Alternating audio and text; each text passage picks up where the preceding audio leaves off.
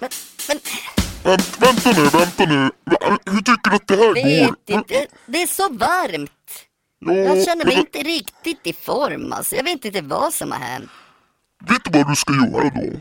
Jag tycker du ska testa att ta en Norrlands guld ljus alkoholfri. Bra mot törst. Testa här.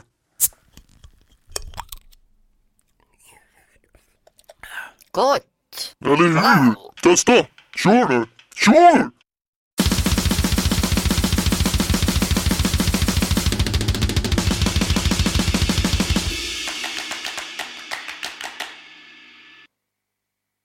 Oj, välkomna, välkomna, välkomna tillbaka till Nordmark podd. Har ni varit på Wet West höll jag på att säga. Det har jag. Och eh, ni som missade eh, Nordmark eh, livesändningarna, gå in på min huvudsponsor, Norrlands Guld Ljus Alkoholfri. Deras Facebook-sida och eh, kolla in när jag pratar med artisterna där. Det är underbart, eh, übermäktigt.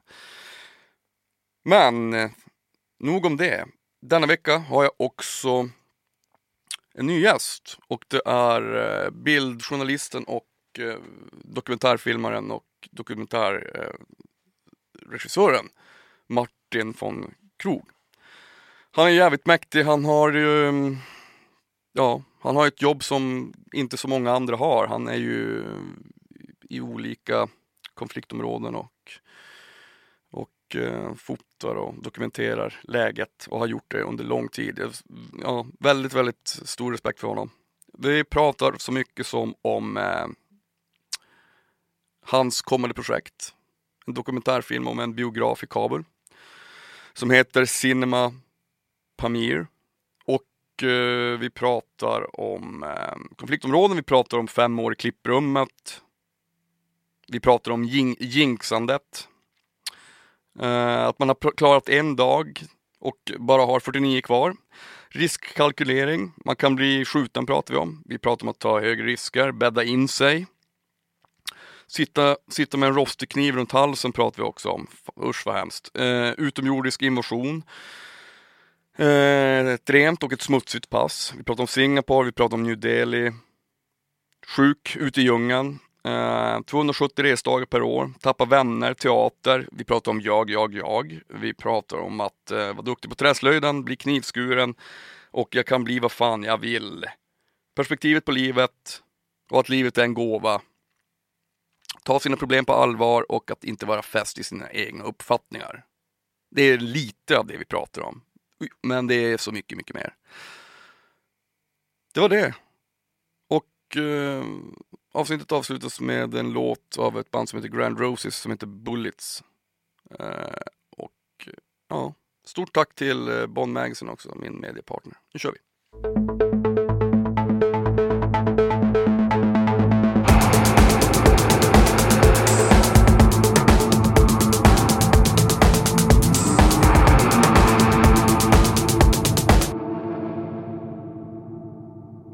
Ja men fan vad kul att ha det här, vilken ära. Ehm, för det första har du haft en, du har haft en bra sommar. Ja, ljuvligt. Kort.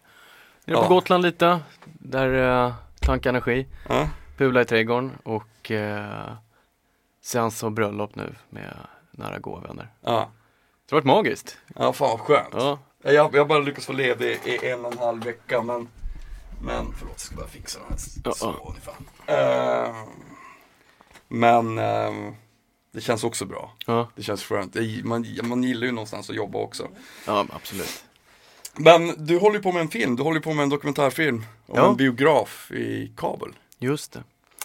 Kan du berätta lite grann om det? Jag vet ju förstås vad det är, men, Ja. men det är kanske många andra som Ja, jag började, eh, jag jobbade ju som stillbildsfotograf från början.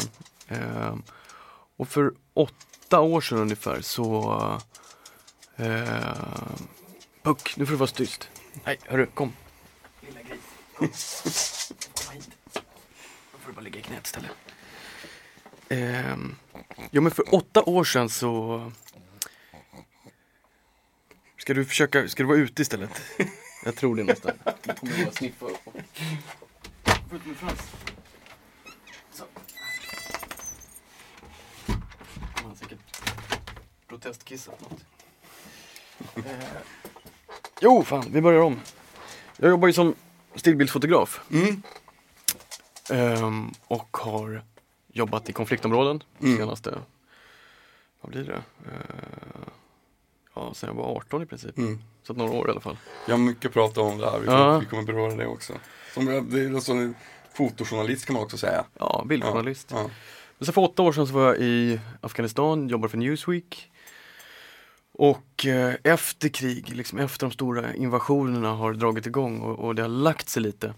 Då brukar man alltid försöka hitta corny historier. Ehm, ett stort känt sånt fenomen var hårdrocksbandet i, Bag i Bagdad. Mm, jag såg den dokumentären, helt Ja, magiskt. så att det försöker man plocka upp någonting liksom corny och så vidare.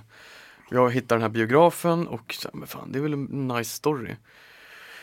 Eh, tänkte inte mycket mer på den, spenderade en vecka där efter uppdraget och kom tillbaka till Indien och började redigera bilderna och det var någonting som fattades. Fanns, den här magin som var där inne på bion, för jag blev helt förälskad så fort jag satte fötterna där inne. Mm. Eh, fanns inte bilderna. Och då insåg jag att så, fan, det här är första gången som jag insåg också att det finns en jävla skillnad mellan eh, att vissa historier är jävligt bra stillbild och text och vissa är radio och vissa är dokumentärfilm. Mm. Och det här var en dokumentärfilm. Behövde skildra liksom ett skeende snarare än eh, enstaka situationer. Det gick inte att få, få liv i den på det sättet. Mm. Och det här var innan digitalkamerorna hade blivit så pass bra så man kunde filma med dem på den nivån. Om Mm. man inte ville lägga en 3 miljoner på en kamera. Mm. Så att då var det 35 mm eller 16 mm eh, och jag hade ingen filmerfarenhet. Så jag sa, fan börjar jag nu då? Jag måste ju lära mig filma. Mm. Så att i princip sen dess fram tills för tre år sedan så har jag assat, jobbat, harvat för att lära mig filma för att göra dokumentärfilmen. Ehm, Men det är som sikte hela tiden liksom. Ja. Sen för tre år sedan, och jag skulle väl behöva fan lätt fem år till i klipprummet för att känna mig bekväm och Mm. känna att så här, ja men nu behärskar jag jag valde ett yrke, men nu så känner jag mig bekväm med yrket. Mm. Men samtidigt så måste man väl kasta sig ut och bara testa någon gång. Att, Det känns ju som att du har gjort det en gång med, med valet av ditt, alltså med, med ditt andra yrke också som stillbildsfotograf. Mm. Eller liksom bildjournalist. Att, att, det, att den drivkraften måste finnas, att man faktiskt också bara tar steg. Utan att liksom Ja, men det är det nog. reflektera. Jag menar vad fan, det tar ju lång tid att lära sig vad som helst om det är någonting som man jag menar, just att göra en, en dokumentär känns ju så fruktansvärt tidsödande. Och Ja. tidskrävande med det. och det fattade jag nog inte innan jag satte igång. Nej. Vilket var bra. Ja. Eh, hade, man, hade, hade jag ens kunnat blicka in lite i framtiden så hade jag ju aldrig satt igång det. Nej. Alltså den ångesten Mm. är ju i kvadrat jämfört med skaparångest när man Mm. gör ett stillbildsreportage eller en utställning eller något sånt. Mm. Eh, Men eh, fan, nu börjar vi närma oss slutet på klippningen så det ska bli så jävla spännande. Men alltså du säger alltså åt, idén föddes för typ åtta år sedan. Det, det är ju, det är ju väldigt, det är ju en väldigt lång tid. Ja. Det hinner ju hända väldigt mycket på åtta år menar jag. Ja. Också med en själv. Ja, ja. Men jag menar, när du var där första gången och sen, hur kändes det när du kom tillbaka när ni väl började själva dokumentationen? Det måste ju varit jävligt gripande och Jo, eller när vi väl började liksom inspelningen så var det väl mer ännu mer ångest. För det var ju så mycket som inte stämde. Det var Eh, Jag och en annan kille åkte ner i mars. Stora inspelningen skedde på hösten 2015. Eh, och vi åkte ner i mars och skulle börja reka och framförallt börja eh, arbetsintervjuer med lokala teamet som vi behövde anställa. mm. Med allt från kockar till liksom, säkerhetspersonal till B-foto till ljud och allt. Liksom. Mm. Vi behövde en, en, en, partner i, eh, i Afghanistan. Mm. Vi trodde vi hade hittat de perfekta gyllene partnern ehm, och så kom vi ner med all utrustning ehm, och allting liksom igångdraget. Sen, nu kör vi. Mm. Eh, och ljudteknikern han hade, eh, han hade jobbat på massa liksom, stora produktioner och, och B-fotot var likadant. Ja, men fan, han, han behärskar kameror. Och så öppnar vi casearna till utrustningen och ljudteknikern eh, Isbolla, världens gulligaste, underbaraste människa. Eh, tittar på den och kliar sig lite i skägget och bara Alltså, jag var ju Judas två dagar. Men då hade vi en sån här typ en grej i handen som vi höll. Det här vet jag inte hur man gör. Nej. Och B-fotot, han började liksom knorra lite och bara, du var en bl- bländare, vad sa du att det var för någonting? Eh, så att de hade ju bara bluffat sig till det här jobbet och det började med liksom så här, fan vi måste börja lära dem hur man filmar och tar ljud. Ja. Eh, så att det fanns, det liksom det där härliga pirret, nu kör vi igång, det var ju bara så här, ja, Glöm det. Det är en lång, det är en, det är en lång väg dit. Ja men liksom. överlev och Ja. han som äger biograf, eller han som leasar, ansvarig för biografen, han ville helt plötsligt ha hutlösa pengar för att vi skulle få vara där överhuvudtaget. Mm. Så ett tag så låg jag och grinade på rummet och bara, fan vi drar till Indien, det finns säkert någon spännande dokumentär där. Alltså vi har ju all utrustning nu, nu kör vi någon annan skit. eh, så att det var, nej det var så jävla mycket fel och Ja. liksom innan vi kom på rätt fart och började filma och hämta in material. Men kände du då att så här, fan, alltså förstås när du, när du var i, ditt, i din största sorg, in the abyss, kände du att så här, nu, det här, nu, nu, nu, nu skiter vi i det här som du sa, att nu åker vi till, men vad var det som fick dig att, men vad, kämpa lite till och lite till, lite, för jag menar, det är ju någonstans en sån det är någonting som gör, som får en att fortsätta menar jag. Att man Ja. inte bara faktiskt står och ger upp. Hade du folk omkring dig som bara, men fan vi kan göra det här. Ehm, Nej, där, i det där så var jag jävligt liksom ensam på ett sätt tycker jag. Eh, jag hade ju min tjej och bollare med, men, ehm, nej, det fanns liksom inte det där det är en jävligt ensam process att vara Mm. regissör. Ehm, mycket mer ensamt än vad jag trodde, liksom att fatta tunga beslut och känna, sen så hade jag ett jätte, liksom, bra team i Sverige som hjälpte mig och stöttade mig och, Mm. och gjorde allt de kunde för att, och det var väl snarare, hade jag gjort det helt själv så hade jag kanske hoppat av snarare Mm. än att ehm, ha en jävla massa människor som förlitar sig på en. mm, De förlitar sig hemma i Stockholm på produktionsbolaget att jag ska komma hem med material. mm. Eh, killen som gick in med en miljon, han förlitar sig på att vi ska fan komma hem med en bra film. Ja. Eh, så att det här att man har liksom Ja, man har ett jävla ansvar mot människor. Mm. Det är väl det som Dels där nere också de som du jobbar med och som du också ska spegla på ett sätt. Men också de som har liksom trott Ja. på projektet här hemma. Alltså det är, det, det är många parametrar som kan ge en huvudvärk. Verkligen, vi gjorde en Kickstarter, det, det, är liksom, det var Ordet var där ute redan, att Mm. nu ska vi göra det här. Mm. Och att misslyckas i det skulle liksom vara sånt jävla nederlag. Mm. Då skulle jag bara flytta till Norge och börja rensa fisk typ. Men hur många, hur många vänner var ni där nere och filmade då? Nej, det är en stor bulk egentligen. Mm. Och sen så, eh, för det är inget, filmen handlar inte om en, en förändring. Eh, vi har inte följt det här stället under åtta år och Nej. sett hur det ändrats om. Utan det är en tårtbit utav vardagen. Mm. Så den stora bulken är filmad i, i eh, ja, augusti, september, oktober i, i 2015. Mm. Och sen så har jag varit nere på, i mars, där vi använde lite av marsmaterialet. Och sen så var jag nere ett år innan och filmade lite och använde lite utav det. Och sen så var jag nere nu i februari och använde lite utav det också. Mm. Men, ja, och sen så har jag ju varit där ett antal andra gånger och bara harvat med andra prylar. Mm. Men har, har, tror, har, det, har det hjälpt dig liksom med Jag menar förstås om jag hade åkt ner dit och fått för mig att spela in den här dokumentären så hade det säkert varit en omöjlighet sådär. Jag menar du har ju en erfarenhet av de här områdena också som är väldigt rik. Mm. Eh, jag, jag, det första jag tänker på när jag bara spela in en dokumentär om en biograf i Kabul, det måste vara inte bara en massa problem, att det är en massa omständigheter som krånglar, men att det också faktiskt är jävligt farligt. Absolut.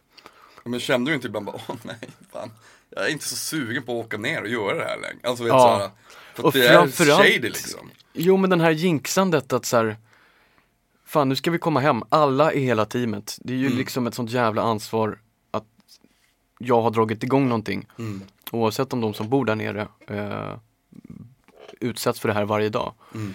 Så under produktionen så är de under mitt ansvar och det får inte hända någon något. Ja. Ehm, så det var ju jävligt nojigt att känna att så här, okej nu har vi klarat en dag till, nu är det bara 49 dagar kvar. Och sen så mitt i alltihopa så smäller det ju också liksom utanför bion, Ja. bara några meter.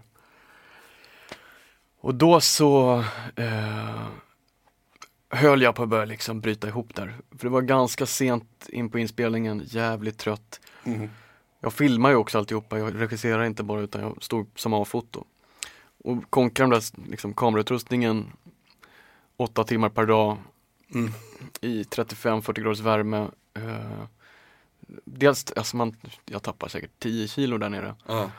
Ehm, så att det är jävligt utarmande och man är trött i huvudet och sen så smäller det och då känns det här, fan, fuck it, jag, jag, jag orkar inte. ja, för vad är det liksom? Alltså Mm. för, för, för vad gör jag det här för? Ja. Eller för för Ja. vems skull? Eh, Förutom, förutom min, min egen men även att, att du vill förstås visa Jag menar det är ju också en del Vi ska, vi ska komma tillbaka till det sen men med, med, med ditt yrke att det är ju också en, ett val av att visa världen, omvärlden, hur världen ser ut. Ja. I guess. Jo men så är det ju. Eh, såklart. Så det fin- de, de, den, den, eh, där finns det ju en, eh, en mening. Som Mm. jag, jag fattar det. Men det måste vara så jävla lätt att man bara, nej men det här, är det värt det? Jag menar om, om någon till exempel då skadas eller du blir skadad. Mm. Eller till och med dör. Så är det ju lätt att känna kan jag tänka mig att nej, men det här, det var såklart det inte var värt det. den, den, Ja, alltså både och. Mm. Den där, alltså riskkalkyleringen, den, den liksom går man igenom hela tiden. Alltså Mm. vad, är, vad är det värt att offra livet för? För det är det du måste gå in och liksom, du åker till ett konfliktområde, då har du ju skottsäker väst på dig, Mm. du har hjälm, kanske inte hela tiden men i de situationerna som det kräver det hela. Så då har du kalkylerat med att varför har du en skottsäker väst på dig? Jo men därför Mm. du kan bli skjuten, okej. Du måste ju ändå vara medveten om på ett sånt plan att Mm. det är inte bara en gadget som du slänger på dig. ja. Så att förut så tog jag ju mycket, mycket högre risker ehm, i början utav karriären. Mm. Ehm, jag gjorde ju hela Irakkriget för dussinbilder. För då var det ju liksom ung och nyfiken och det var spännande och det var viktigt. Mm. Men idag skulle jag aldrig göra den typen av jobb som är um, bädda in sig kallas det för. När man liksom hänger med amerikanska soldater eller afghanska soldater. Mm. Och då var det amerikanerna. Ehm, för att de bilderna, det, det är ingen som kan se skillnad på dem om de var tagna igår, idag eller imorgon eller eh, Och det, den risken är inte värt det hela. nej. Men som filmen, där är det värt att ta extremt mycket större risker. För att jag tror på filmens budskap kan vara med och skapa en förändring. Och Mm. jag tror så mycket på den här filmen. Mm. Så att det är ju mer fantastiskt. kalkylerat. Det är det finaste jag, jag har hört. Nej men det, jag älskar sånt, alltså det är ju jag, jag pratar ofta om det i podden, alltså med förkovring och liksom upp och, och att offra saker för, för det man tror på. Det finns någonting som jag, jag, jag, jag är väldigt svag för den inställningen. Mm. För det, det, det är sånt som får världen att gå framåt. Mm. Eh, och det, det tycker jag är så jävla hedervärt. Men förlåt, jag, nu avbröt jag dig också. Nej, nej, herregud, det är lugnt. Ja, men så att det finns Man dyker på dem när man blir lite äldre. Eh, nu är jag 35 så att liksom, ja, jag har jobbat i branschen länge ändå och Mm. nu någonstans så börjar många vackla av och liksom sluta med konfliktfotografering i den här åldern eller så fortsätter man och fortsätter resten av livet. Men man kan också liksom bara försöka balansera upp det där och känna att så här, fan, jag behöver inte göra de här Mm. idiot 20 års grejerna eh, som jag gjorde förut. Vi var uppe i Sinjarberget eh, under massakrerna som när IS drog igång de stora offensiven upp på Sinjar. Mm.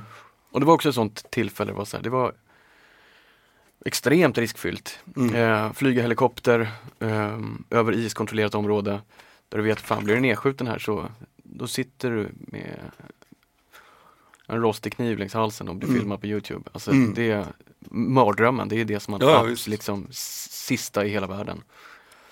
Eh, och uppe på Sinjarberget så var det så jävla mycket flyktingar.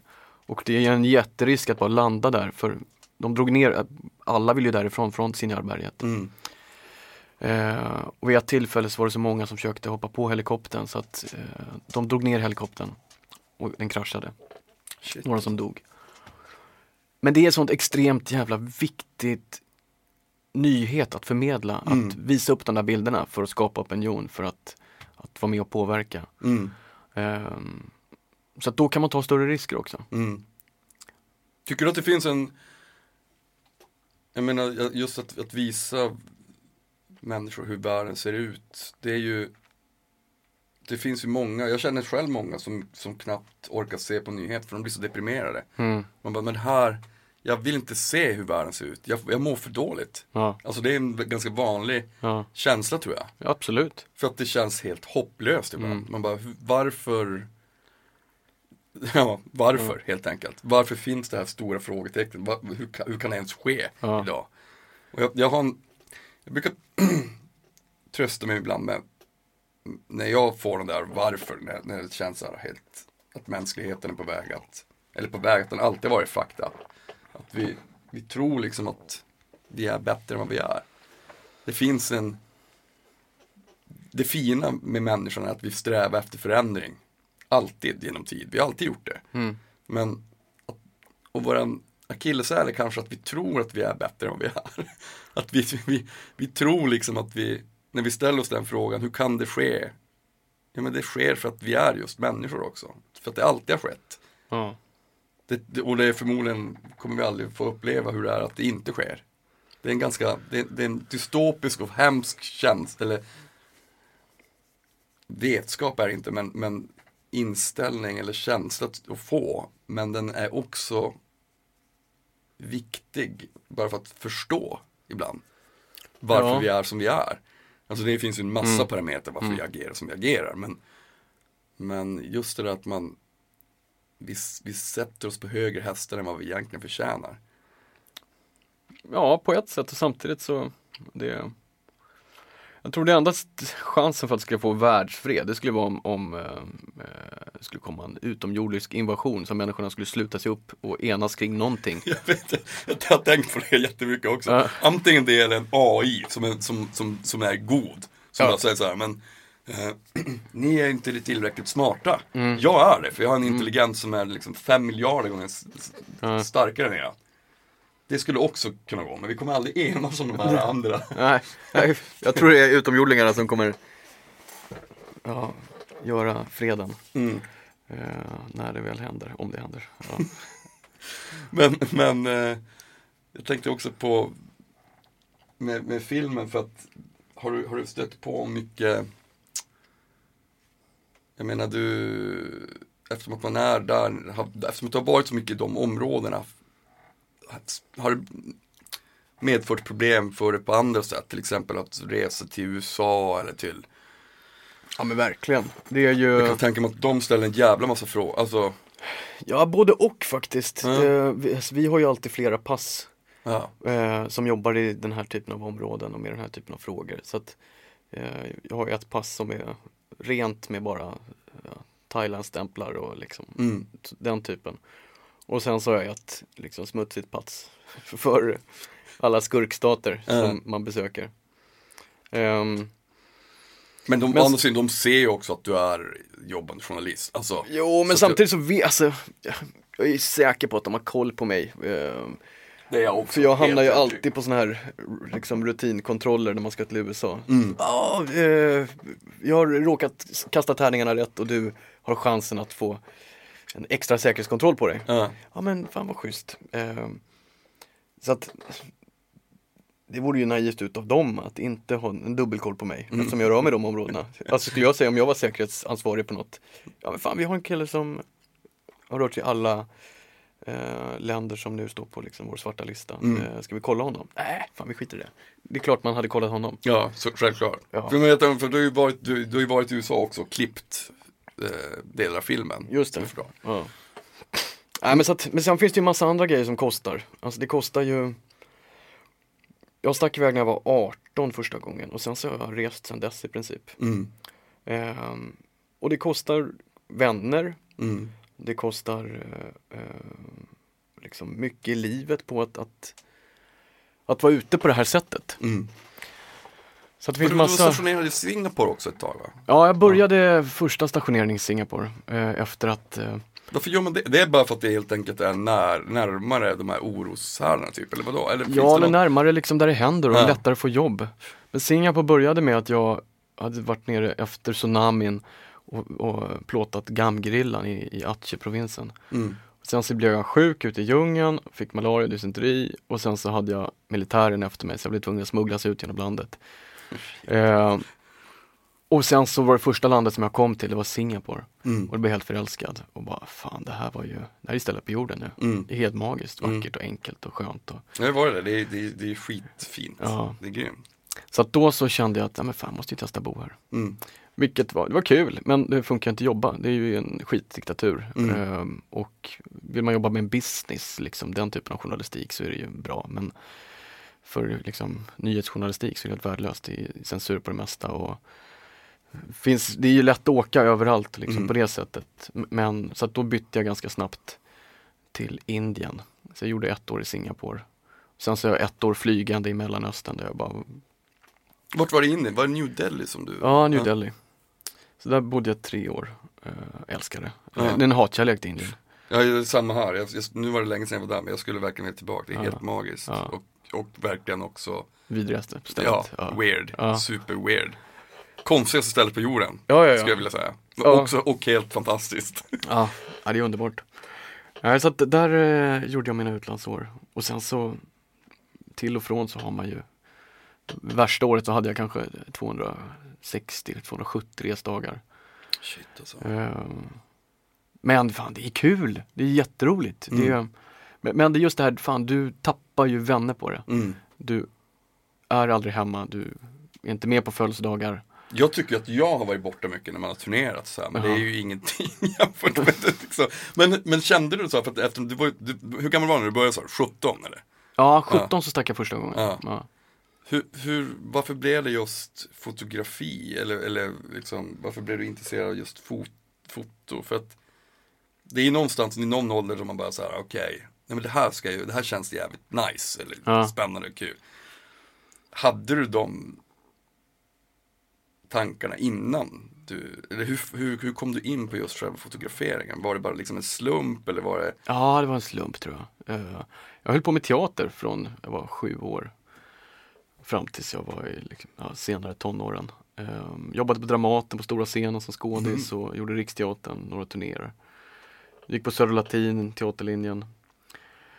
Och sen så, mitt i allt det där med Dramaten så uh, tröttnade jag. Eh, mycket på grund utav eh, att liksom, det handlar bara om ja, ja, ja. Mm. Och utan, och det här är väl någon sån här, det finns ju fortfarande kvar, men, men det är inte så att jag tänker medvetet på det.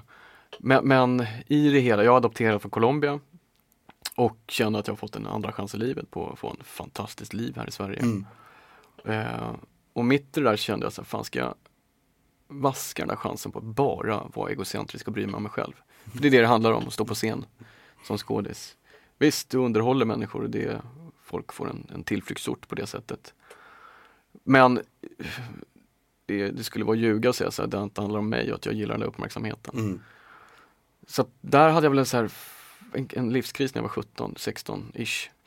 Eh, och kände att fan det här är ju, jag, kan inte fortsätta med det här. Mm. Så då började jag fundera på om jag skulle försöka plugga till läkare sen eller eh, eh, ytbärgare tänkte jag också. Jag har alltid gillat liksom lite äventyrliga, eh, lite action och liksom fysiskt och få hoppa in och liksom vara Mm. där det, det händer. Ehm, och jag har ingen studiehuvud, jag skulle aldrig kunna bli läkare. För liksom, pff, fuck. Det där känner jag igen också. Ja. Att man har svårt att koncentrera sig på, vissa saker. Men det kanske, tror inte att det också är intresse. Och att, jag menar, ibland tror jag att man någonstans kanske, alltså jag tror inte heller på sånt, men att man hamnar någonstans i rätt element till slut. Om man är en sökare så till slut så hamnar man ungefär där man kanske vill vara. Absolut. Men sen Eh. tror jag också att det finns liksom, jag är en hantverkare. Jag Mm. gillar att jobba med kroppen och händerna. Jag var skitduktig på träslöjden, Mm. hundra år sedan. jag tror fortfarande upp den som merit. Eh, och eh, sen så finns det andra som är duktiga på, med, med huvudet på det sättet. Och. Min pappa han är superakademiker men Mm. har tummen mitt i handen. Mm. Eh, bara olika människor, Mm. liksom, ja, olika liksom, talanger. Eh, men där i alla fall så började jag jag var, ja, började plåta lite. Jag hade plåtat under tiden, gammal skejtare och, och eh, plåtade mina polare. Och någon som fick se bilderna fick ett jobb lite sådär när jag var 15. Så jag hade liksom fotografiet sedan tidigt tonår. Mm. Och sen så under den perioden också, när jag var i tidiga tonåren ung skatare så var jag mycket liksom aktiv i djurets eh, aktivismen Mm. här i Stockholm. Precis efter, ja, i samband med straight edge, liksom Mm. vågen och hela den. Ehm, och det gänget som jag hängde med det och umgicks, de startade upp sen Reclaim Mm. som var stort i Stockholm under en period. Mm. Jag kommer ihåg det. Och de sen hörde av sig till mig när jag var 17 sen och bara Du fan vi ska till Prag och demonstrera eh, mot G8-mötet. Mm. Ehm, det spårade ut i Seattle först och nu så skulle de till Prag. Häng på, liksom, häng på med din kamera. Så det var första jobbet som jag drog på. Jag hade ingen aning vad jag skulle göra, hur man byggde någonting utan stick inte under stolen med att det var ett äventyr från början. Mm. Ehm, och där träffade jag en spansk fotograf som tog mig lite under sina vingar. Pascual Goris. Mm. Och eh, han bjöd med mig sen till Israel-Palestina. Så fort jag hade fyllt 18. Mhm. Så Shit. att, ja, Så jävla mäkt. Alltså det är så jävla viktigt också med någon slags mentor i, i, i en viss ålder tror jag. Eller i och för sig, jag tror det är viktigt med men mentorer hela livet ut. ja men ab- absolut. Men framförallt i den liksom sökande tonårsåldern som man inte ehm, Jag höll på att hamna snett strax innan där. Uh, åkte fast för massa grejer. Men sen så Jag träffade faktiskt min gamla teatermentor igår, Alejandro Vivanco. Mm. Eh, så jävla roligt och det är en helt annan era utav mitt liv som eh, höll på med teater bara och Mm. liksom skitroliga fester och häng och eh, älskar ju liksom teatern på det sättet. Eh, men jävligt tacksam att jag slutat också. Mm. Så att därifrån så lurade jag in mig på fotot. Ja. Så började det och sen så var det bara bananskal hur det flöt vidare. Men jag menar, hur, det måste känns så jävla mäktigt när du åkte till, eh, till Gaza då, eller Västbanken, att, att så här, vad fan, shit, jag, jag är här. Alltså det, här, det måste ha varit en sån jäkla Ja, ja, ja. språngbräda. Alltså det liksom kändes det som att du bara, nu är, jag, nu är jag i början på någonting jävligt stort här. Nej, det var mest ett kändes det pirrigt här, nu är det, här är det, det här är det jag vill hålla på med liksom. Ja, det var ju, det var ju skitpirrigt men sen så det slutade lite olyckligt. Jag blev nerhuggen med kniv. Eh, åkte in på sjukhus och blev efterlyst av polisen och det var jävla hullabaloo. eh, och det var på nyårsafton. Eh, sen ringde jag hem till mamma och pappa och bara Du, om du ser någonting på nyheterna, det är superlugnt med mig. Eh, ja, och de höll på att gå i taket. Eh, Stackars dina föräldrar. ja, fan jag har det, utsatt dem för mycket. En ocean av år av oro liksom. Ja, gosh. Um, nej men snarare den känslan att så här, lite samma känsla tycker jag, den längtar jag efter, liksom försöker upp, uppleva den hela tiden. När man gick till skolan första gången, alltså i första klass eller andra Mm. klass, skulle börja en ny hösttermin, hade med sig fint bänkpapper och kände pirret att så här, "Åh, kommer jag träffa en tjej den här terminen eller liksom av eh, vad kommer hända? Det är Mm. så jävla pirrigt det här liksom uppstarten på någonting. Mm. Första gången man gick till gymnasieskolan och bara Fan, nu kan jag börja om som en ny människa. Mm. Vad, liksom, vad ska jag göra? Mm. Det pirret hade jag först när jag hade tagit studenten. Då, direkt efter så mönstrade jag på en segelbåt. Eh, seglade Island, Grönland, Kanada, USA med Skinnamo och några andra. Och sen när vi kommer till New York då 9-11 smält. Och den känslan över att så här, precis tagit studenten, livet ligger framför en, jag kan göra vad fan jag vill. Mm. Eh, jag kan bli vad fan jag vill. Mm. Där hade jag den och det var så mäktig och det var sån jävla härlig känsla. Mm. Det känns ju som att, nu när, när du pratar, känns som att ditt liv har sökt sig också till som ett jävla batteri till där det händer saker också. Alltså väldigt, alltså Ja, men så är det nog. För också att man, dels att det är ditt yrke, det är liksom så här, det finns ju en induktivitet i det. Att man, Mm. att man på samma sätt som att man ofta träffar jämlika personer man dras i samma saker liksom. Så Mm. att man, man rör sig i samma cirklar. Ja. Det är inte jätteunikt men det är jävligt fascinerande.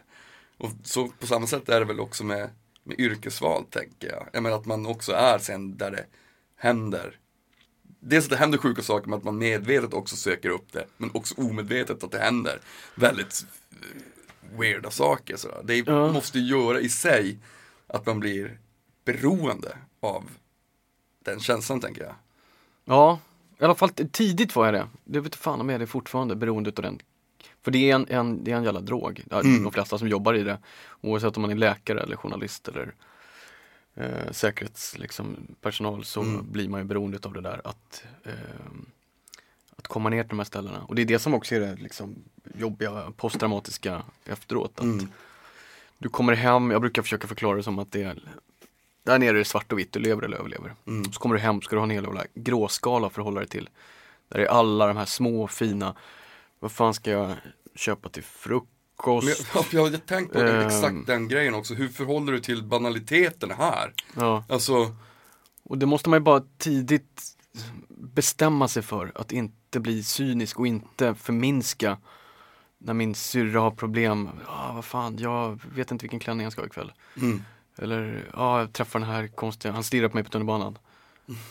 Och så måste man ju ta sig tid att lyssna på det där, för Mm. att det är lika viktigt för henne som mm, det är att, att leva och överleva nere i Afghanistan. mm, Sen är det helt olika perspektiv. mm. Och det måste man vara medveten om att du måste ha perspektiv på livet och känna att så här, den här klänningen är ju inte livsavgörande. Men det är lika viktigt för henne just nu. Mm. Och sen så ställa det liksom i, i perspektiv till att överleva och dö. Såklart, Mm. det är en helt annan frågeställning. Mm. Men jag tänker att det måste finnas, det måste för första gången jag träffade så kände jag så här, vad fan Du har upplevt så jävla mycket men du känns ändå inte alls Jag menar många borde ju rimligtvis vara väldigt trasiga på något sätt. Mm. Eftersom att man ser så mycket som öppnar upp, jag tänker bara hur jag själv skulle vara. Mm. Eh, jag brottas med det hela tiden själv, att det öppnar upp dörrar som jag har svårt att stänga. Alltså vissa resonemang och känslor som Mm. eh, som gör att jag ibland ser på livet väldigt cyniskt. Mm. Och det är ju en väldigt fin egenskap att kunna behålla någon slags ödmjukhet inför livet och också inför vardag.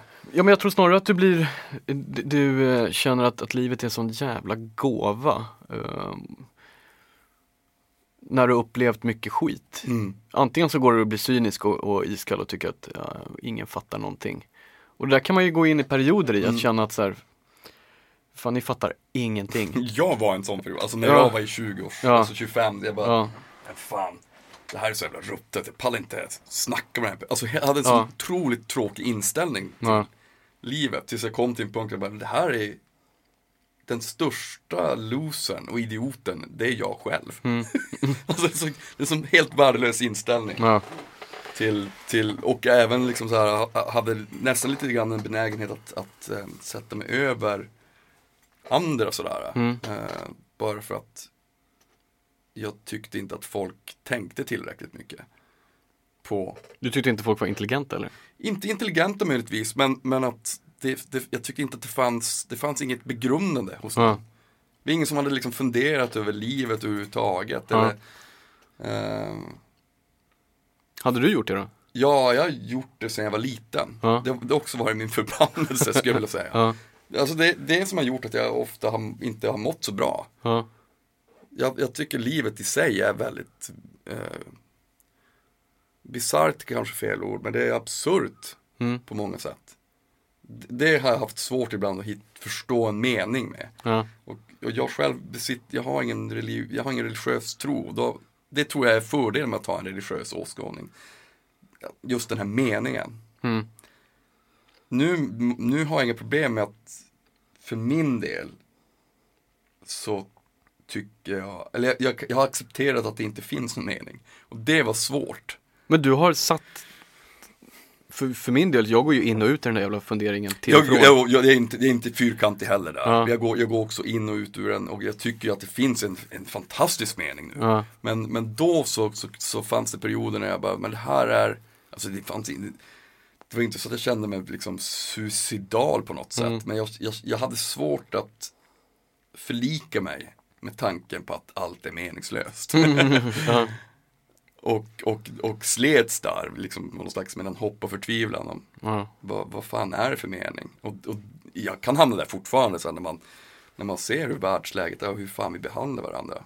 Men meningen för mig nu är väl någon slags, att det finns en, också en hoppet på, någon, på någonting bättre för, för allt. Mm.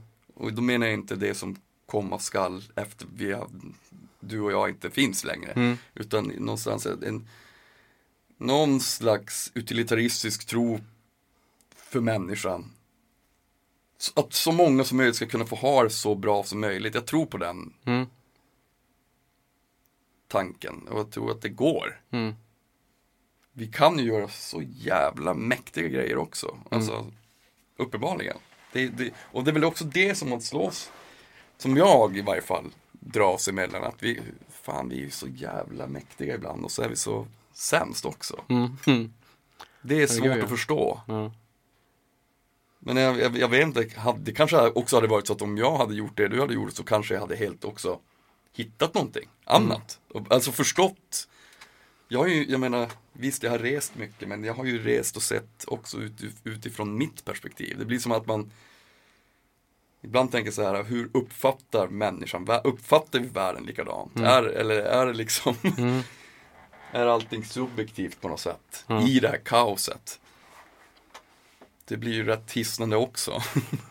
ja, verkligen. En sån där som man ligger och tittar upp på från på en sommaräng upp i stjärnorna och funderar på och sen så får man svindel.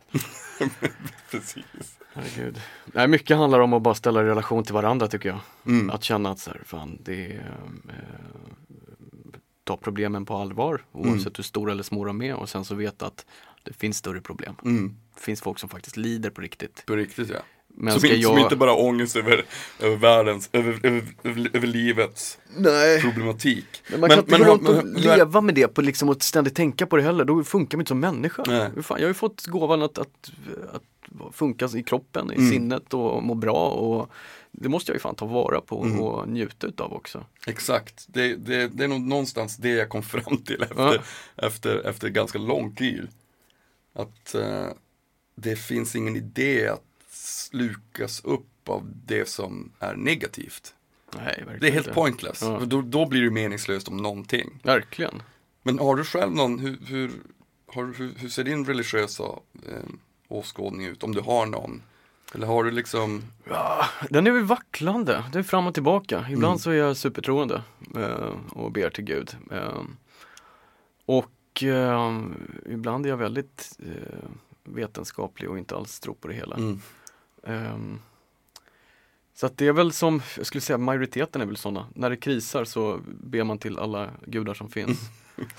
Ehm, och Men jag har, inte, jag, har, jag har inte kommit fram till någonting. Det är en sån grej som jag funderar på titt som tätt. mm, Vad är jag religiös eller Mm. inte?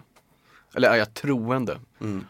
Ehm, Ja, men som också kan bottna i en känsla. mm, Alltså det, det, det är ju helt, det, det finns ju någonting också som är Man ska hela tiden också försöka förstå saker förstås via vårt språk och via, vår, mm, via ord. Ja. Men det finns ju också en massa andra saker som vi inte förstår. Mm. Alltså som bara är känslor. mm, Som man inte kan faktiskt sätta finger på så här. Och det är ju, det, det är väl också en, det är också en del som ger mig trygghet. Mm. När, det, när, det, när det blåser kallt. ja, ja, ja. Att fan, det är, det är det som är jävligt mäktigt. Vi är, man är inte, eller en är inte fyrkantig när det kommer till det. Nej. Och där är vi exakt lika. Ja. Man behöver inte ha det svaret så länge man bara, ja. Det är utvecklande som fan att fundera på det Mm. och känna att så här, fan jag eh, måste bolla de här frågorna med mig själv ibland eller med andra och Mm. lyfta och fundera och vrida och vända ställa det mot varandra och känna att, ja, och det är så man utvecklas som människa tror jag Mm. också. Inte genom att sätta en, en vara helt fast i sin egen uppfattning och det är det enda som gäller. Nej men precis. Eh, vi har ju Och- faktiskt egentligen inte en aning om det stämmer eller inte. Nej. Vi, Eh. Egentligen har vi en, inte en aning om alls så mycket som vi tror att vi har Nej. kanske. Men hur funkar det, typ, om tillbaka till, till ditt yrke också, att, att, om du också har haft de här tankarna och, och, och känslorna, hur hur förbereder du dig me- mentalt inför ett sånt jobb? Jag menar för att det kan ju också vara Det känns som att det är ännu jobbigare och farligare om man är på ett visst stadium kanske. Om man känner sig jävligt nere och så bara, ah, nej, nu ska jag åka och göra det här. Ja men det är det. Jag har faktiskt tackat nej till jobb då. När jag har känt, eh, jag separerade mitt ex då eh, drog Libyen igång eh, och då tackade jag nej till att åka för då kände jag att så här, fan jag är inte eh, Det handlar inte bara om mig själv, det handlar ju om reporten som jag reser ner med också. Mm. Vi har ju koll på varandras ryggar. Jag ska ju vara hans säkerhet eller Mm. hennes säkerhet. Det måste Och- kännas att man är helt fokuserad och inget annat som stör. Liksom. Nej, eh, så jag kan ju inte riskera min kollegas liv bara för att jag inte är hundraprocentig. Ja. Så att då tackar jag nej till det. Ehm, men förberedelserna, det, det är väl ingenting som, det, jag tror inte det, själva tiden det tar att resa ner är förberedelsen. Mm. Eh, det är inte så att jag gör någon ritual. Eller jo, på ett sätt. Jag har ju faktiskt ställt in ett flyg för att jag inte hittar mina totems. Eh, jag har, brukar ha två stycken ringar på fingrarna. Och, ehm, så hittade jag inte en av de där ringarna och då är det så här, ja, börjar jinxa, ja, fan, jag, det har ju gått bra hittills med ringen på handen. Eh, fan är ringen?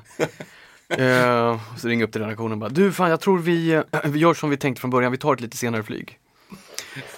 Eh, alltså det är väl de så här jinxiga, konstiga grejerna som man har för sig. Men annars så är det resan ner, då hinner man ju liksom fundera och förbereda sig och bygga upp jobb-Martin Mm. Eh, som agerar lite annorlunda än vad han gör i Stockholm Mm. och tänker på ett annat sätt. Och då är det mycket, det handlar mycket om säkerheten bara, att tänka, eh, måste ju tänka som en schackspelare hela tiden där nere. Tänka tio steg i förväg, vad, alla scenarier som kan hända. Mm. Vad händer, det här är ju sämsta rummet man kan sitta i, där vi sitter just nu, om det skulle hända någonting. Det finns inga andra utgångar. Ehm, men det är en sån grej som man liksom får in på rutin och det är väl Mm. också en sån yrkesskada att så här, Mm. går du in på ett café så tittar du efter nödutgångar och Mm. ehm, allt från hur du liksom parkerar bilen till att du ska kunna snabbt ta dig därifrån och alla de här små grejerna som sker så småningom efter x antal år i konfliktområden på rutin. Mm. Ehm, för att du vet att eh, ja, du kan inte springa runt med ett sko, öppet skosnöre på, liksom, kanske inte inte detalj, men, men det Ja, men finns en precis. jävla massa grejer som är Ja. bara så här sitter i ryggraden som Ja. jag inte ens kommer på själv utan det bara finns där som Det man har lärt sig. checkat liksom. Ja. ehm, allt från liksom Nu har ju tidningarna blivit otroligt mycket bättre på den typen utav eh, säkerhetsgenomgångar. Mm. Där man har sina, vi ringer in x antal gånger per dag till, till vår eh, säkerhetskontaktperson för att rapportera liksom att ja, vi mår bra. Mm. Har de inte hört någonting från oss så dras en kedja igång, då ska de ringa till mig först. Mm. Får inte de tag i mig så ringer de till min kollega, får inte de tag i den så finns det x antal personer som eh, liksom är, är Mm. med. Och det där drar man igång Mm. hela tiden. Så att, och lite bökigt och stökigt. Och Johanna, min tjej, hon var säkerhetsansvarig sist när jag var nere i, vad fan var det? Eh, förra våren. Ja, jag var flängd runt på något ställe. Eh, inte Mogadishu, men det var något. Och hon var kontaktpersonen. Mm. Liksom enkelt att ha det så. Eh, men hon var ute och turnerade med Lovantel då. Mm. Så att, och vi hade säkerhetscheck precis i samband med att de skulle upp på scenen varenda kväll. Så precis när hon var på väg upp på scen så bara fuck, jag har glömt ringa Martin. Eh, springer ner snabbt. Äh, allting bra. Upp. Världens sämsta säkerhetskontakt. Hon, hon får aldrig vara mer säkerhetskontakt igen. Stackars Johanna. Ja, Eftersom du har jobbat så länge med, med, med det du har gjort och rest så mycket och varit till de här ställena. Att hur, det måste ha varit känt som att det förändrades så mycket första gången du, när det verkligen var hett om öronen. Alltså så här. Hur, hur, hur, hur behandlar man den känslan? Kän- Var det så här? Shit, det här var inte kanske som jag hade tänkt mig, eller var det som du hade tänkt dig? Eller liksom vaggades du in i den vetskapen hur saker och ting fungerar? Men samtidigt så funkar ju allt allt är ju olika hela tiden tänker jag. Alltså hur, vissa saker kanske man inte kan förbereda sig för. Nej, och det tror jag är eh, Fattar du frågan kanske var Ja, jag fattar frågan. men Nej, men, men, men det är väl snarare Alltså de situationer som dyker upp som är farliga, hairy liksom. Mm. De, eh, de är olika och du liksom, det, det, går ju inte att förbereda sig på någonting. Det är aldrig som det är. Alltså, I början så när man kommer ner så tänker man att det är som på film. Mm. Och då kan jag tänka fortfarande ibland för att det är det som man är matad med, att så, här, så ser krig ut. Mm. Men sen när man är väl där nere och det dyker upp en sån situation som man har sett på film och det Mm. är smäller eller man åker en Black Hawk helikopter och det börjar skjutas. Då, ehm, då är det ju på ett helt annat sätt. Mm. Det är ju i alla de här stora effekterna. Utan man fatt, jag fattar ju sällan att det smäller. Mm. Eh, hörni, lugna ner. Ehm, men det handlar väl snarare om att, att lyckas behärska lugnet och tänka kallt i det hela. Mm. Sen kan man ju få, jag får ju panik i kroppen ändå. Mm. Ehm, och är skiträdd i alla de här situationerna i Mm. princip. Ibland så har man liksom kunnat läsa av det på ett annat sätt och känt att men fan det här är inte så farligt. Mm. Men när man har sett eh, sönderskjutna kroppar och sådär, så liksom och fatta resultatet vad ett, ett vapen kan göra. Det, ibland, för mig har det krävts så liksom att fatta från film och det är så jävla abstrakt och liksom, Mm. ja, det är folk som dör fast det är fake, det är Mm. Hollywood. Eh, till att komma ner och faktiskt se en, en sönderskjuten kropp Mm. är ju ett sånt jävla stort steg Mm. och fatta att så här, okej fan det är det här, det kanske blir flummigt och naivt men, men det, det krävs att man, man fattar det för att kunna ta det på allvar på något sätt. Mm. Ehm, om man inte panikar och, och liksom, det är den andra reaktionen, det är många som panikar och Mm. inte vill vara där. Ja. Ehm, och även fast jag panikar så kan jag lyckas behålla ett lugn i det hela och agera yrkesmässigt och, Mm. och, och säkert. Mm. Så att stanna kvar eller eh, drar eller vad nu är, eller läser man av situationen. Och mycket handlar ju bara om magkänsla. Att känna att, att lita på den magkänslan. Ja, men jag tycker för att det, det, det, såklart är det ju någonting som många undrar över när, när, när man har ett sånt yrke hur man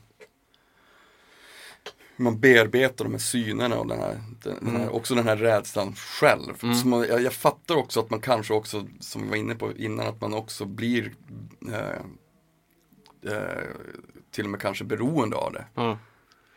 Jag såg den här, vad fasen heter han, den fotografen som var bland de första som dokumenterade olika krigshärdar och engelsman, vad fan är? Nashway. Exakt. Ja. Som sen sa han, han bara, nu på åldern så jag kan bara fotografera, äh, fotografera alltså stilleben. Mm. Eller, Ah, ja. det, Ja. jag, eh, I'm done, Ja. du vet. ja, det är nog Cartier-Bresson. Uh, Nashway jobbar ju fortfarande i konfliktområden. Ah, Okej, ja. Ehm. Nej men du måste bara ta hand om det. Alltså lite som Mm. jag var inne på från början, eller där för ett tag sedan, att det här med gråskalan, att det är så jävla svårt att komma tillbaka från det här svartvita och, och också att man inte har en uppgift här i det här samhället. Mm. Eh, vilket är jävligt svårt. Där nere har man en, en uppgift, jag är där nere för att skildra någonting för Mm. att jag, eh, folk behöver mig. Jag Mm. jag jag har en plats att fylla. Och så kommer man hem och så sitter man på kammaren och känner att vad fan, vad har jag, vad fan är jag för värd? Vad, Mm. vad, vad gör jag här? Och Mm. så deppar man ihop. Mm. Och det där gäller ju bara så här vara jävligt medveten om. Och jag tror mycket tack vare mina föräldrar. Min mamma var eh, psykoterapeut och vi snackade mycket om det Mm. hemma just där, liksom vikten att ska du hålla tills du går i pension, Mm. om du vill fortsätta med yrket, då måste du ta hand om det också. Mm. måste du ta hand om det du ser, för det, det ska man inte se. Nej. Och det kommer påverka dig. Och det är klart gör det. det är, ju, eh, Men nu den här, för det, det tänkte jag på, den här också, det är ju lite där vi var trampade nyss, men den här känslan att du är där och jobbar och visar omvärlden ditt jobb. Mm. Eh, Men samtidigt är det väl ganska få som upplever den känslan du har där nere, kan jag tänka mig. Ja. Alltså, det är ju det är inte, om man nu ser till eh, någon som bor till exempel i Sverige så är det inte en, det vanligaste jobbet. Nej. inte så många, det, jag menar, det kanske finns någon ensamhet i det. Det är inte så, jag menar, jag kan ju omöjligt sätta mig in i hur det är, hur det känns för dig när, du, när du är i de situationerna. Och du har varit det så jävla länge. Ja. Känns det ibland som att jag kan sitta och berätta men jag är ändå helt ensam med de där. För så kände jag när jag hade varit sjuk, när jag hade haft cancer. Jag bara, jo men alltså alla, man kan ju alltid förklara för någon hur det Ja. känns. Men den egna känslan är ju min. Ja. Den är jävligt svår att förmedla liksom med, Ja. med ord. Jo, det här känns, ja, det är lite tufft, det känns svårt. Okej, vad menar du? Alltså, Ja. vad, vad är svårt och vad... och jag menar den bilden kontra din känsla Mm. är ju, måste ju också ibland vara liksom svår att förenas med. Nej men där är det ju, där har man ju sina kollegor Mm. eh, som är oumbärliga för att kunna bolla med det. För Mm. det är svårt att prata om det. Och man vill heller inte tynga ner familjen med det. Eh, mamma, pappa eller flickvänner eller liksom Det blir konstigt. Eller sina polare. Det blir också, folk är ju nyfikna på vad han håller på med. Hur Mm. var det där nere? Och, och sen så orkar man, då kommer man in i det här lite det cyniska, speciellt när man kommer tillbaka direkt Mm. och träffar polarna. Hur var det där nere? Ja, men ni fattar ingenting ändå. Nej. Det Eh, att du drar det. Ja, och då kan man ju bli den där liksom cyniska personen som känner att så här, ni har ingen aning om. För det, då blir man ju också eh, de, den lilla posttraumatiska stressen man, man får, stort eller litet. Mm. Då, då kan man också bli jävligt lättstött, grinig, aggressiv, eh, trött, ledsen eller reagera på sätt som man inte gör i vanliga fall för att när man är fräsch i huvudet. Mm. Eh, så att då är det så jävla skönt att kunna snacka med folk som har varit där nere och fattar och då kan man snacka om det på ett helt annat sätt också. Mm. Det är många som reagerar konstigt när jag säger att så här, "Men fan, jag älskar mitt jobb, det är så jävla roligt. Mm. Vadå roligt? Du är nere i krigsområde, hur kan det vara Mm. roligt? Ja, fast det är roligt även fast det är jävligt jobbigt. Mm. Och när man är bland sina kollegor så kan man ju ha en helt annan jargong och liksom Mm. behöver man inte lägga upp den här fasaden att så här, det är ett väldigt intressant jobb som jag har. eh, utan att liksom ha de liksom lössläppta korten och känna Mm. att så här, fan, ja, ni fattar vad jag menar om jag säger att det är skitkul eller eh, var helt absurt när jag träffade den här liksom personen där nere Mm. och så drar man en anekdot. Och, Ja men plus att det också är, jag, jag fattar ju också det att det också finns en nyans i allting. Mm. Det är ju inte så att det bara konstant, det finns ju också en andra aspekter i det, liksom att du har också kan jag tänka mig att du har gjort det så pass länge. mm, Alltså aspekten att se, att uppleva saker, att se, att resa att, och möta med andra människor som är mm, Som inte går att, ers, alltså Ja. känslor som är oersättliga. Ja. Liksom. Självklart så, så bidrar ju också det till att Ja. man gillar sitt yrke. Mm. Oavsett om det är musiker eller om det är att, att fotografera hemskheter liksom. verkligen. Jag var på ett absurt bröllop, det var en av mina närmsta vänner nu i helgen. Han jobbar som fotograf, jobbar mycket i konfliktområden och alla, väldigt många av gästerna som var där, konflikt liksom, journalister eller eh, det var ett helt läkarteam från Afghanistan, italienare som var där nere. Och då alltså, skulle man komma in som icke invigd i det här och lyssna på de här talen så är det ju helt absurt att lyssna på, fan när vi var där nere i Mogadishu eller när vi var där i Afghanistan. Och, eh, så att det är en helt annan tugg man har med sina polare som jobbar i det. Mm. Ja, det, är- det, ja, det är intressant. Men hur, hur, hur känns det för dig nu inför, du sa att du inte är riktigt lika sugen längre på att, är det för att du känner att filmskapandet också är någonting som du vill ägna dig mer och mer åt i och med att du nu har spelat in dokumentären klart och, Nej, det handlar snarare om att, att eh, jag menar vart, Eh. vart är du om fem, tio år? Alltså vad, Ja, det har jag ingen aning om. Eller det har jag, ja, det vet jag faktiskt inte. Det är jättespännande. Men mycket handlar om efter att min mamma blev sjuk för eh, tre år sedan, så gick hon bort för två och ett halvt år sedan. Eh, och i samband med det så eh, började, där var det redan att känna att så här, jag kan inte åka ner just nu till de tuffa konfliktområdena och utsätta familjen för något ytterligare. Ehm, och efter det sen nu känner jag väl ännu mer att så här, fan det får inte hända mig någonting. Nej. Ehm, sen så vet ju liksom min familj, min pappa och min syrra ehm, vet ju också att så här, fan, jag brinner ju för det här. Mm. Att, och min tjej också. Men man kan göra på, på, på olika sätt. Man kan Mm. begränsa och försöka minimera riskerna. Mm. Även fast jobba i den typen av områden. Ja. Eh, så att det handlar snarare om att, att en, en, eh, en respekt mot anhöriga. Att Mm. det, de kommer inte orka gå igenom ytterligare ett dödsfall i familjen. Nej.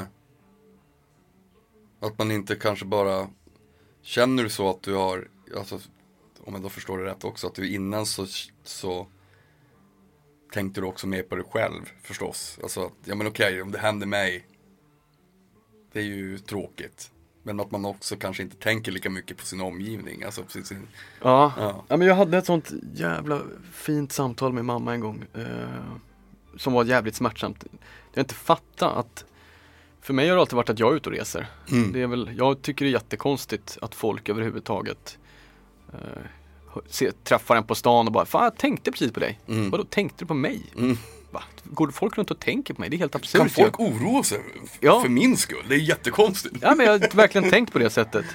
Och sen så kom jag hem efter en resa och min mamma var skitförbannad på mig och eh, grät och, och så bara, men fattar du inte att när du är ute och reser så är jag ute och reser. mm.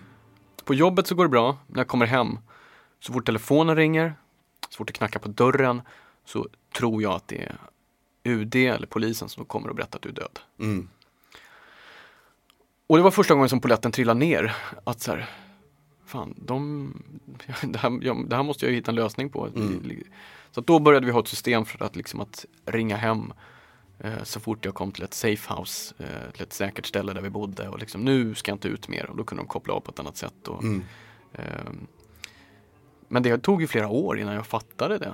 Mm. Och det kan tyckas naivt eller korkat att inte fatta det tidigare. Men så var det för mig i alla fall. Det kanske var tur att du inte hade så in, kände så innan också. Alltså, i, om man nu tänker på ditt yrke. Det, det hade Mm. kanske varit mycket jobbigare att eh, tillbringa de åren med att också hela tiden tänka så, åh nej shit, nu måste jag höra av mig för att min familj är jävligt orolig kanske. Mm. Alltså det blir ju också ett ok att bära. Att, Ja, men det är det man, ju. att man vill för, förmildra oron för sina nära och kära, Ja. såklart. Ja men så, absolut. Man berättar ju inte allt som händer på Nej. resorna och att det ibland var lite för nära och Ja. sådär. Men, men och, och tillbaks nu till, till filmen, när, när, när, ska den, eh, när ska den vara helt eh, klar och...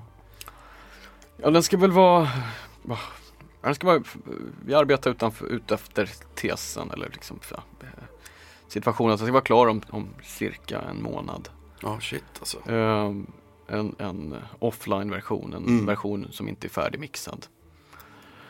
Ehm, men samtidigt så nu börjar ehm, alla tycker den ser så bra ut så att Mm. det är också så här vi ska vara lojala till projektet och är den inte färdig om fyra veckor då får vi lägga några veckor till på det Mm, tills den är så pass bra som den kan bli. mm. Då Känner, men känner du så att, fan nu är det nä- jävligt nära här.